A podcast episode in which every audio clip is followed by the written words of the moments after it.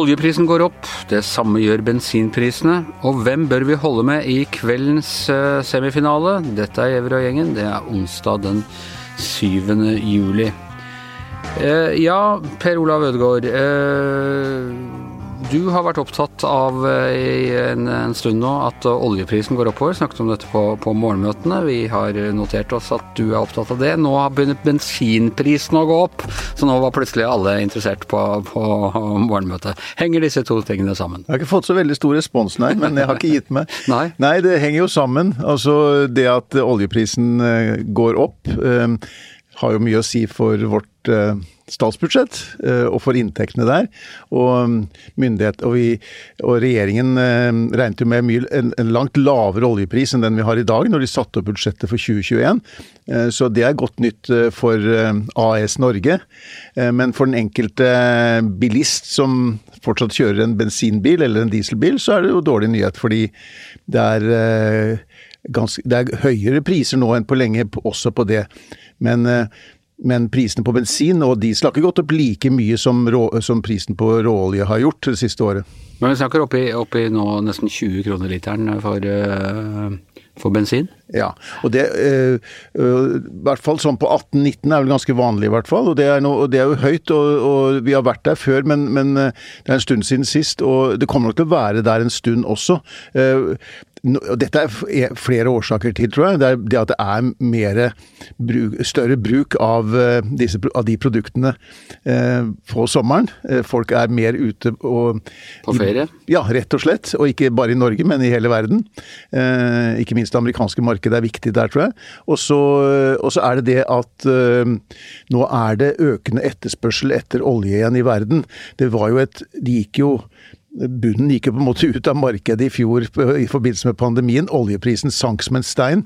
Og så ble den derre altså OPEC, som er organisasjonen av oljeproduserende land, eh, sammen med Russland, som ikke er medlem, men som er liksom en slags assosiert deltaker der, enige om at de burde eh, da kutte produksjonen for at man da skulle holde prisen sånn noenlunde oppe. Og det lykkes de for så vidt med. Prisen gikk litt opp igjen etter å ha vært på et veldig lavt nivå. Men nå, nå begynner ting å gå seg til igjen i verdensøkonomien, i hvert fall i en del, på en del markeder. Og da øker etterspørselen etter olje igjen. Og så øker uenigheten blant de oljeeksporterende landene om, om, hvordan man skal gjøre det. Ja, og særlig hvis de, de, hadde på en måte to valg nå. De kunne enten øke produksjonen øh, med 400 000 fat olje døgnet, var det det var snakk om, altså totalt sett da. Mm. Eller de kunne på en måte videreføre det der nivået de har i dag, øh, og satse på at prisen stabiliserer seg sånn noenlunde.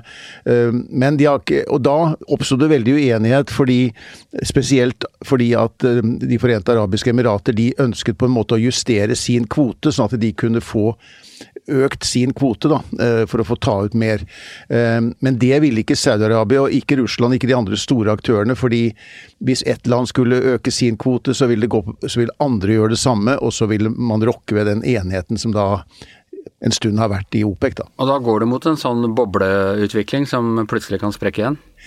Ja, altså nå øh, har jo det, oljeprisen beveget seg fra 70 opp mot Nærmer seg 80 dollar fatet, men gått litt ned igjen til 75 dollar fatet. Noen sier at den kan komme helt opp i 100 dollar fatet. Det er vel ikke så Vi husker jo den gullalderen. Ja, ja da, og det har vært over der òg. Men øh, uansett så er øh, Altså, det er jo noe med at sånne land som Saudi-Arabia og, og, de store oljeproduserende landene de ønsker jo å få godt betalt for det produktet de har, men de vil ikke at prisen skal bli så høy på olje at uh, det på en måte kan lønne seg med andre energiformer, altså fornybar energi. Men vi alle vet jo at oljealderen på et eller annet tidspunkt tar slutt, men vi er ikke riktig der ennå. Nei, vi, altså, Da prisene falt så voldsomt for noen år siden, og, og, det var oppsigelser og nedleggelser og sånn i oljeindustrien, da føltes det jo liksom sånn oi, nå begynner det å nærme seg slutten. Nå har vi ikke den følelsen så kraftig lenger. Nei, og du, etterspørselen etter olje var jo stigende helt fram til pandemien kom, og så fikk den en veldig knekk, men så er den på vei opp igjen nå. Og det man, det i hvert fall IEA, som er Det internasjonale energibyrå, eh, forventer, er at det vil neste år, på slutten av neste, av neste året, så vil vi være tilbake på det samme nivået som vi hadde før pandemien når det gjaldt etterspørsel. Og så vil det fortsatt trolig øke noen år før man når det der toppunktet hvor det vil være andre energiformer som overtar. Men Hvor lenge er det til? Innenfor et tiår er det man snakker om. Ikke? Altså at Man vet ikke helt sikkert når det toppunktet kommer. Kanskje det kommer om fem år, kanskje det kommer uh, litt før, litt etter. Uh, det vil, vil, på et eller annet men, men, det er en enorm omstilling i verden. For per i dag så er fire femtedeler av vår energiforsyning er basert på fossile brensler, som er olje, gass, kull. Og målsettingen i 2050, hvis man skal komme fram til oppfylle Parisavtalen, er at bare en femtedel skal komme fra disse fossile brenslene. Alt det andre skal komme fra sol og vind og vann ja. og andre fornybare energiformer. Men 29 år, da er et stykke tid? Jo, men det er en enorm omstilling på tre tiår, altså. Og, og, jo lenger man venter med å starte den omstillingen, jo vanskeligere blir det jo selvfølgelig. Og de neste årene så vil nok fortsatt etterspørselen etter olje være økende. Det er i hvert fall det ekspertene regner med. For å da ta det som engasjerer enda mer, nemlig bensinprisene. Eh, er det regionale forskjeller på, eh, her i Norge på bensinprisen? Ja, det, det, er det. Fordi dette har noe med transportomkostninger og sånt å gjøre. Så det er, det er noen steder av landet hvor uh, det er helt opp mot 20 kroner, ja. Um, og det tror jeg, hvis jeg har fått med, er lengst nord. Ehm, og så, det, og så oppstår det av og til konkurranse på noen mer sånn begrensede markeder mellom stasjoner, som gjør at man en, en, på en periode går litt ned. Jeg tror også at de fleste regner med at det vil på en måte stabilisere seg, at prisene kanskje vil gå litt ned når vi kommer over sommeren ja. og ut på høsten. Så det lønner seg å kjøre rundt i timevis og finne hvor du kan kjøpe den billigste bensinen, altså? Enten det eller gå over til elbil, ja.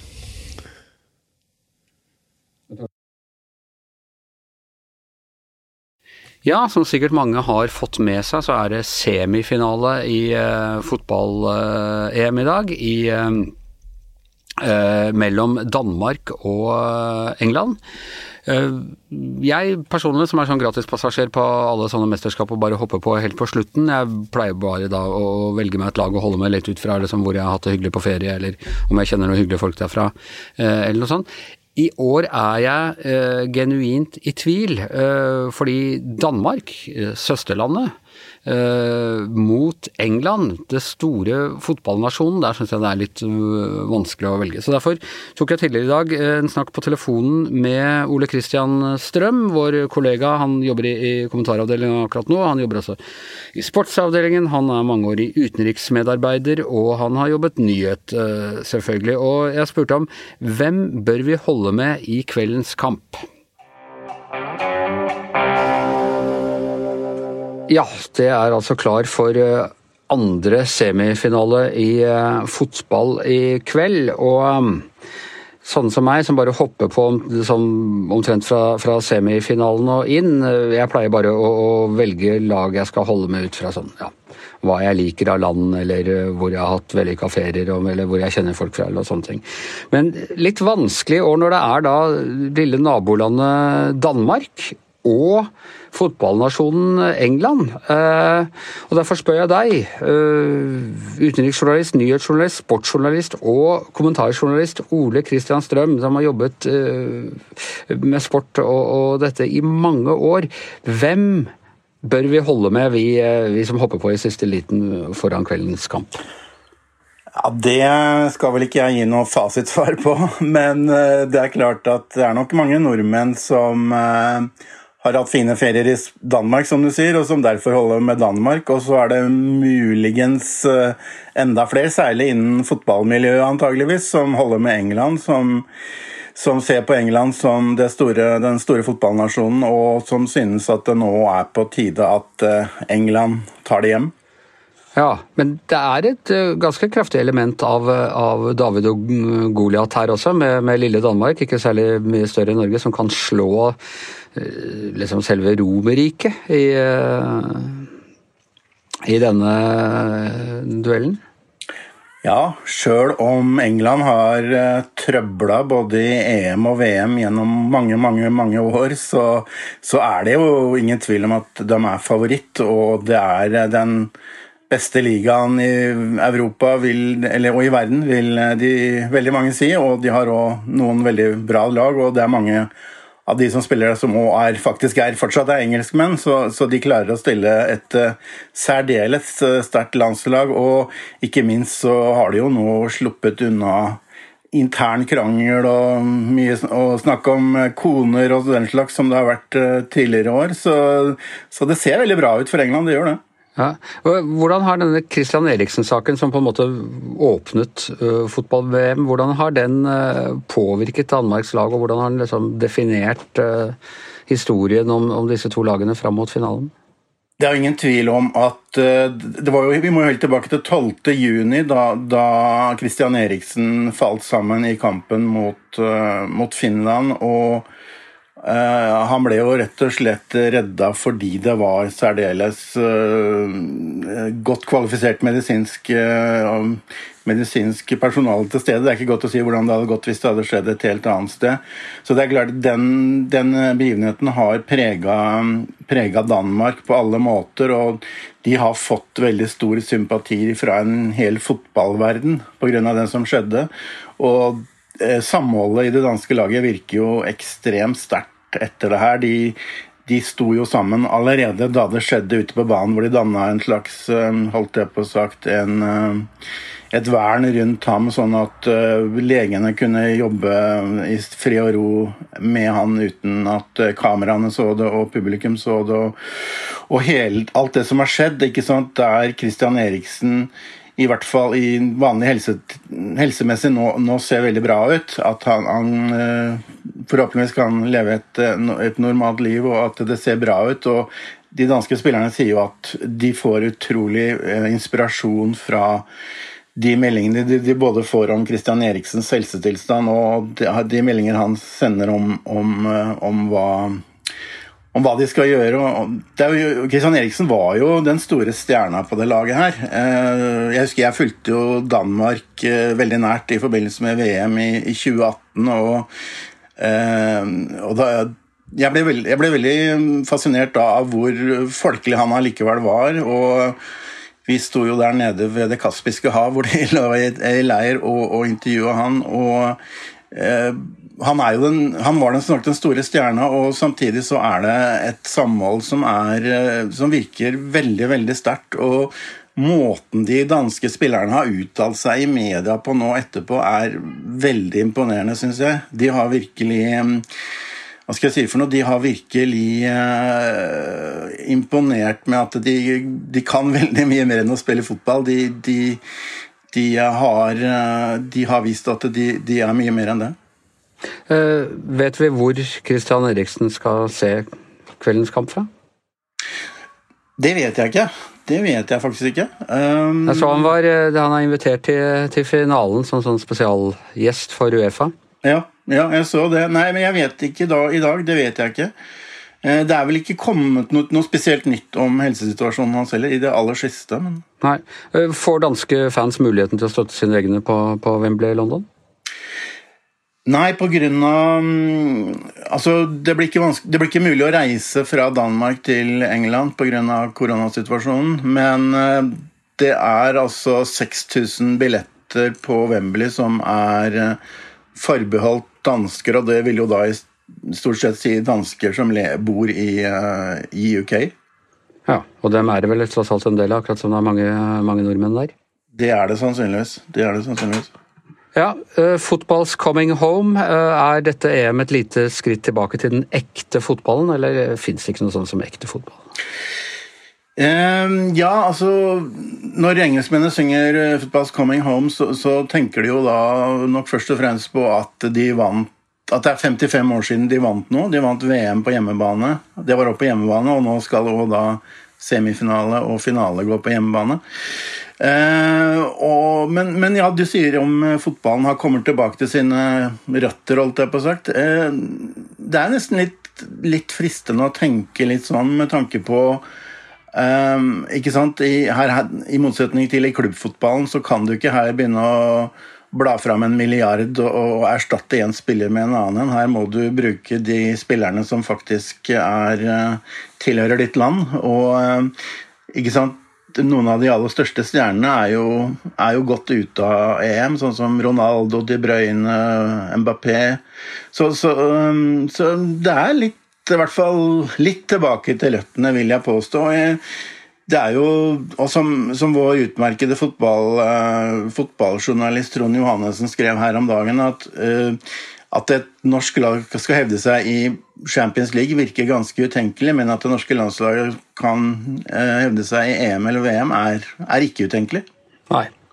Eh, helt til slutt, hvem, eh, hvem holder du med foran kveldens kamp?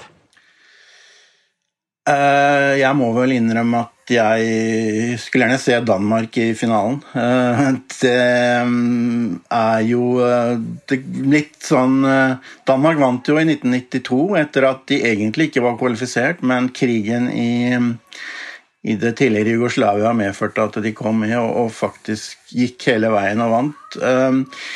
Og så må vi jo være litt norske, skal vi si for noe, litt Eh, både litt eh, nordisk i den sammenhengen her, og med tanke på at Åge Hareide jo hadde stor suksess med det laget her i, i mange år, så, så, tenker vi kanskje litt på det òg. Ok, du har overbevist meg. Jeg går for eh, Danmark i kveld. Tusen takk skal du ha, Ole Kristian Strøm.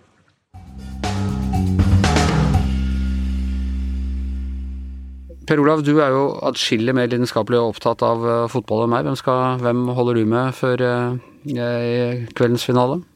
Jeg hadde kommet til å si eh, England hvis det ikke var for at det var akkurat Danmark som var motstanderen. For jeg tror England er et av de landene jeg virkelig ønsket vel i dette mesterskapet.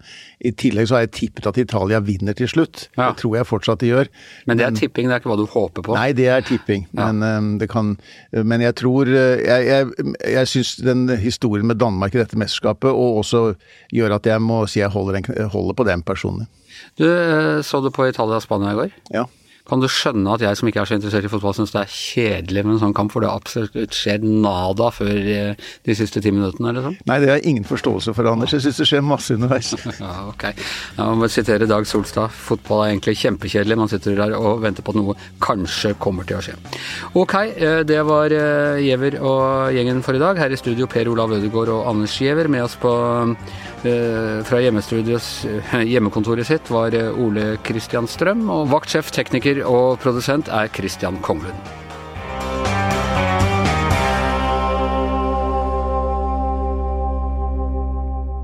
Du har hørt en podkast fra VG.